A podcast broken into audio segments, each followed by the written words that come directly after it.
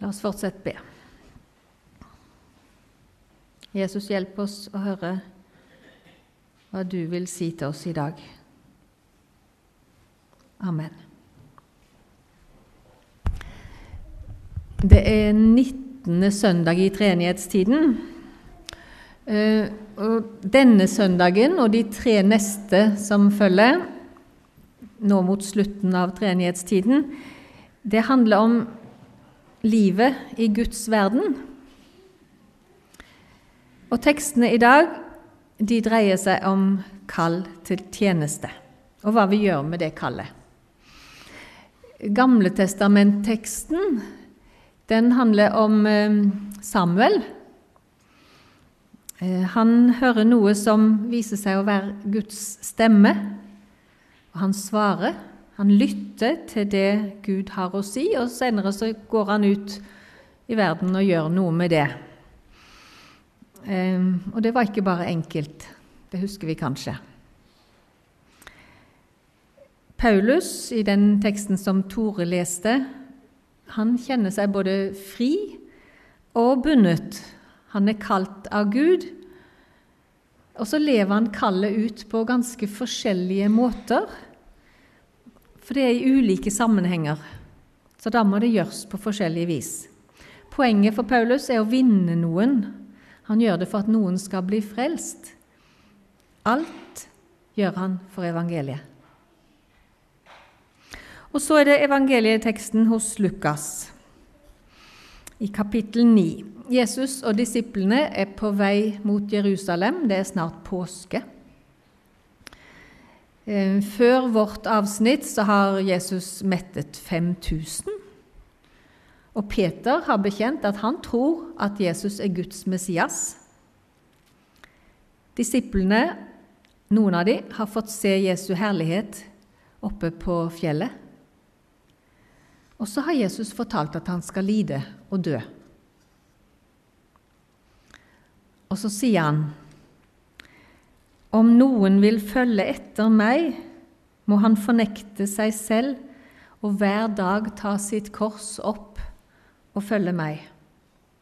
For den som vil berge sitt liv, skal miste det, men den som mister sitt liv for min skyld, skal berge det. Hva gagner det et menneske om det vinner hele verden, men mister seg selv og går til grunne? Det er ganske tøffe ord. Det er nesten harde ord. Det er ikke alltid han snakker så hardt og alvorlig. Vi møter jo ofte en mild Jesus som tar imot de som kommer til han og byr inn. Men prekenteksten vår òg er ganske så tøff. Det er ikke en sånn tekst som jeg ville ha valgt sjøl, men den står der. Det er ikke en tekst som stryker oss med hårene og klør oss i øret. Det er snarere en tekst som oppleves vanskelig, nesten skremmende. Og Da er det sånn at hmm, kan vi nøytralisere disse ordene med andre ord av Jesus? Sånn at det ikke blir så voldsomt. Men jeg er redd vi kan ikke det. Vi får la det stå. Vi må bare finne oss i å høre det, og så prøve å ta det til oss. Jeg må prøve å finne ut hva han vil meg nå. Er det noe spesielt Jesus vil, når det ikke bare glir sånn lett inn? Er det sånn at når vi må stoppe opp og tenke etter og trekke pusten et par ganger, er det da han vil si oss noe ekstra viktig? Vi leser teksten fra Lukasevangeliet, kapittel 9, vers 57-62. Mens de gikk der på veien, var det en som sa til ham, Jeg vil følge deg hvor du enn går. Jesus svarte, Revene har hi, og himmelens fugler har rede men menneskesønnen har ikke noe han kan hvile hodet på. Han sa til en annen, Følg meg. Men mannen svarte, Herre, la meg først få gå hjem og begrave min far. Da sa Jesus til ham, La de døde begrave sine døde, men gå du av sted og forkynn Guds rike. Det var også en annen som sa, Jeg vil følge deg, Herre, men la meg først få si farvel til dem der hjemme. Men Jesus svarte, Ingen som har lagt hånden på plogen og så ser seg tilbake, er skikket for Guds rike.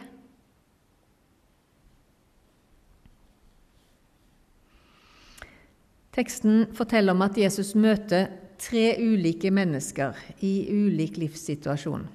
Det vil si, på en måte så er de i samme situasjon, for det, det kan se ut som de alle tre hører til blant disiplene. Kanskje ikke de tolv nærmeste, men blant de menneskene som var rundt Jesus, og som fulgte han. Og Her var de altså på vei til Jerusalem og påske. De kjente han. De hadde hørt han forkynne, og de hadde sett han helbrede. De hadde sett og hørt han i samtale med fariseere og skriftlærde, og trolig så var de ganske begeistra for det de hadde hørt og sett, siden de gikk i følge med han.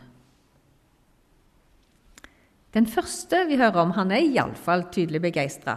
Han eller hun bruker store ord.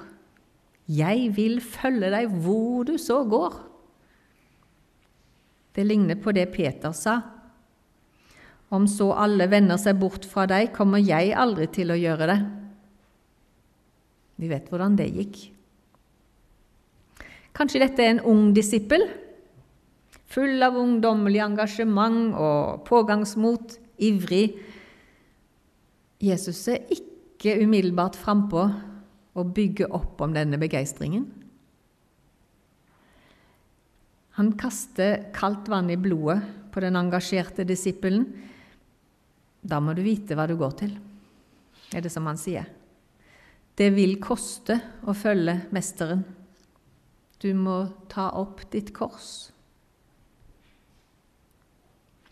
Noen av oss har kanskje òg kjent på denne begeistringen og engasjementet. Yes, vi går all in. Men så, iblant, så ble det med det. Det ble ikke noe mer. Da følte vi kanskje at vi svikta skikkelig. Og For enkelte så ble skuffelsen over eget svik kanskje så stor at de forlot troen, forlot Jesus. Det var visst bare et selvbedrag. Det var ikke noe å tro på, det var ingen å følge etter.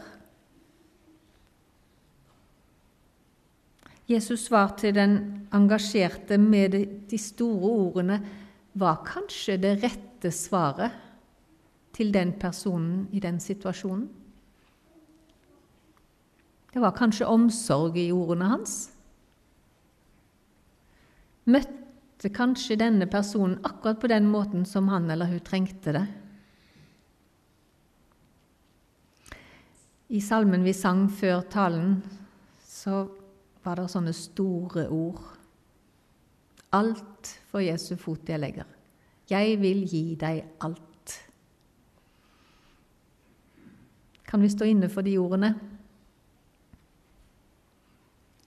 Da må vi vite at det har kostnader.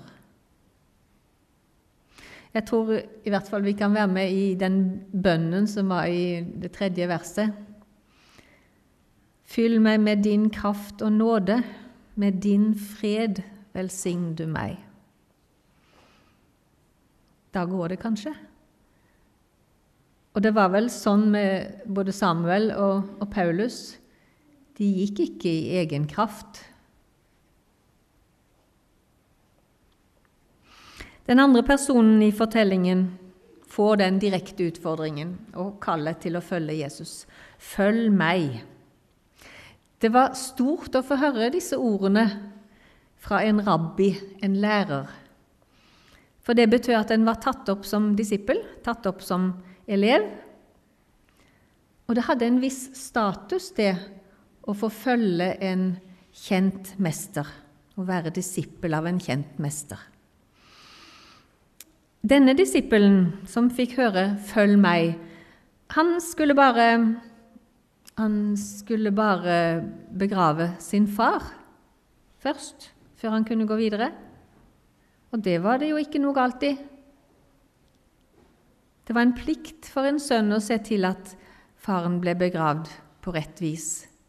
Og det trengte ikke ta mye tid. Vanligvis så skjedde begravelsen samme dag eller i høyden dagen etter dødsfallet. Men han får et tøft svar. La de døde begrave sine døde. Vi får ikke høre hvordan han reagerte. Kan vi tro at dette var det svaret han trengte akkurat da? Tredjemann har òg noe han bare skal gjøre først. Han ville bare si farvel til familien før han fulgte Jesus for alvor. Og det er jo forståelig. Det kunne bli lenge til neste gang de møttes. Det var ikke bare å ringe eller sende en SMS som å si at han kom ikke hjem i kveld. Vi skal hedre vår far og mor. Det er et av Guds gode bud. Og disse to som bare skal noe annet først. De vil jo følge det budet, Guds bud. Men de får altså ikke støtte av Jesus til det. Det er litt rart, er det ikke? Litt underlig. Nå tror jeg ikke det er unnskyldningene til disse to vi skal henge oss opp i, for det var jo ikke noe galt i det, noe av det. Men det må være et eller annet Jesus vil si til oss òg med at dette står i Bibelen. Det er noe Jesus vil få fram når han svarer sånn. Disse to de skyver det gode, de familiære pliktene i dette tilfellet, foran seg. De vil gjerne være med, men de skal bare De skal bare. Og da blir det som kjent ofte ikke noe av det. Det kan bli for seint. Det gode blir det bestes fiende, heter det. Det er kanskje noe av det samme vi møter i fortellingen om Martha og Maria. Martha strever for å gjøre godt for Jesus. Maria setter seg ned og hører hva han sier. Martha har valgt den gode del, for hun hører når hun klager. Det var sikkert opplevd som et ganske krast svar, det òg. Et krast svar til en sliten Martha. Det var jo noe godt, men det var ikke det rette der og da. Noen ganger er Jesus veldig mild og enkel å ha med å gjøre. Sist søndag hørte vi om en spedalsk Jesus sa ganske enkelt 'bli ren'. Hva vil du jeg skal gjøre for deg? spurte han Bartimeus, den blinde Bartimeus. Han banker på hjertedøren og står der og venter, står det i åpenbaringsboken. Andre ganger så er det som om det smeller i dørene. La de døde begrave de døde. Ved dere hyklere, ormeyngel. Hva er det han vil? Hva er det Jesus vil si? Hvorfor snakker han så forskjellig til folk? Gud kjenner oss. Han har skapt oss, og han vet at vi trenger ulike svar fordi vi er ulike mennesker. Han er en god lege. Han setter ikke samme diagnose på oss alle sammen og gir heller ikke alle den samme medisinen. Vi har forskjellige ting vi trenger. Vi har forskjellige ting vi lider av. Forskjellige ting som plager oss, og som står i veien for noe, kanskje, hos oss. Samme menneske trenger heller ikke samme svar gjennom hele livet. Jeg er ikke den samme nå som da jeg var 20. Jesus vil si meg noe annet nå. Jeg er i en annen livssituasjon. Jesus ser oss, han kjenner oss, og han kaller oss og svarer oss sånn som han ser at vi trenger det. Noen ganger er han mild, noen ganger alvorlig, og det blir mer dramatisk. Det kan være vi må velge mellom det gode og det viktigste. Her og nå. Det er ingen tid å miste. For denne flokken som var på vei til Jerusalem, så var det nå de hadde sjansen til å bli med og oppleve det som skulle skje. For deg og meg så er det noe annet det står om, kanskje. Men valget må tas. Det kan bli for seint. Jesus kan skape uro med ordene sine, en hellig uro han bruker ikke ord for å gjøre oss fortvilt, men kanskje for at vi skal justere kursen, for at vi skal se hva det står om. Han vil ha oss med helt fram. Iblant så tror vi at vi prioriterer hvis vi ser på noe som viktig. Men oftest så er vel kanskje prioritering det å forsømme viktige ting i riktig rekkefølge for å få plass til det som er absolutt umistelig. Hva kommer i veien for at jeg skal få med meg det Jesus vil si til meg? Få med meg gudstjeneste og møte? Hva står i veien for at jeg skal bruke tiden min, pengene mine, evnene mine rett og godt til det viktigste. Hva kommer i veien for at jeg velger det viktigste? Jesus vet hva som kan være det som står i veien, som tar den viktigste plassen hos meg og hos deg, hos hver og en av oss. Han vil hjelpe oss med prioriteringen. Harald Kaasa Hammer har skrevet et sted Verdier er et godt ord. Det er masse verdier i kristendommen, men hvis kristendom bare blir verdier, mister vi det viktigste. Verdier ble, ble moteord i kirke og skole på 80-tallet. De nye moteordene er livshjelp og livstolkning. Vi trenger livshjelp, og vi trenger hjelp til livstolkning. Men hvis kristendom blir bare livshjelp og livstolkning, går vi glipp av det evige liv. Følg meg, sa Jesus, og han sier det fortsatt. Nå sier han det til oss. Å gå inn i følge med Jesus betyr å la hans prioriteringer ha forrang. Han tar ikke uten videre imot store ord. Og han lar oss ikke gå baklengs inn i troen, inn i livet. Ingen som har lagt hånden på plogen og ser seg tilbake, er skikket for Guds rike. Hva mener Jesus egentlig med det, da? Er det kanskje så enkelt som å si at det går ikke an å lage rette plogfurer hvis du stadig ser deg tilbake? Du må ha blikket på det som er der framme, sånn at det blir rett. Da jeg lærte å sykle, så hendte det nok at jeg kunne snu meg og, og, se på den som hadde holdt i bagasjebrettet, og sluppet meg løs. Se hva jeg klarer, da! Ganske sånn fornøyd. Og dermed så vingla jeg og kunne godt ramle. Og fortsatt er det sånn at når jeg sykler på Kiwi og skal handle Hvis jeg skal se på noe jeg sykler forbi, og se tilbake igjen på det, så blir det litt sånn sjanglefart. Det nytter ikke å se bakover når du skal framover.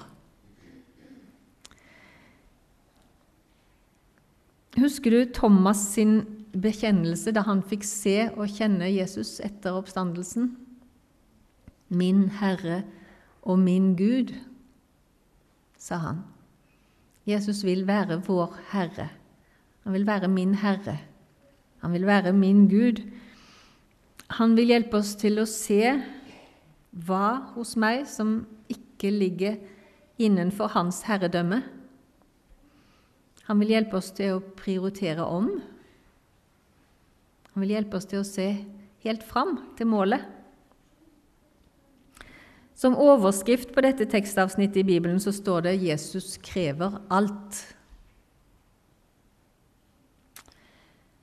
Jesus er den som ga alt. Absolutt alt. Han gir alt. Vi skal slippe å gå alene. Vi får gå i følge med Han mot målet. Og med blikket festa på Jesus så går vi ikke glipp av det viktigste. Det kan nok koste noe underveis, men det er prisen verdt. Teksten i dag den skaper mange spørsmål og ganske så mye motstand i meg. Og Da må jeg la den få leve i meg over tid, sånn at Jesus kan vise meg hva han vil meg nå, i den livssituasjonen jeg er i nå. Vise meg hva som må være mine prioriteringer. Ikke sånn at jeg skal gjøre meg fortjent til frelse, for det er allerede ordnet opp i. Det har han gjort. Han ga alt. Men sånn at han fortsatt får gi meg alt og bruke meg på vandringen gjennom livet. Helt fram. Eivind Skeie har skrevet en sang om pilegrimene sine tanker og spørsmål på vandringen mot målet, og vi kan bruke de ordene til å be.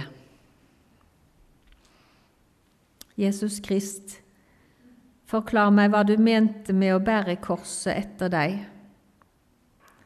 Lær meg alt jeg trenger for å vandre på de sanne pilegrimers vei. Du som styrer universets stjerner, og som ser det aller minste strå, Bøy mitt stolte hjerte og fortell meg hva jeg skulle gjøre nettopp nå. Alle ting er gitt meg som en gave, verden er så endeløs og rik. Gjør meg til en pilegrim som følger i ditt spor og stadig blir deg lik. Gi meg del i kraften som forvandler tvil til tro og hat til kjærlighet, slik at jeg kan speile for de andre Guds nåde og barmhjertighet. Pilegrimer er vi gjennom tiden fra vår fødsel like til vår død. Led oss, gode hyrde, på vår vandring. Gi oss livets vann og nådens brød. Bøy oss mot din vilje under korset. La vår tro bli mild og sterk og sann, inntil alle pilegrimer møtes der du venter, i ditt gode land. Amen.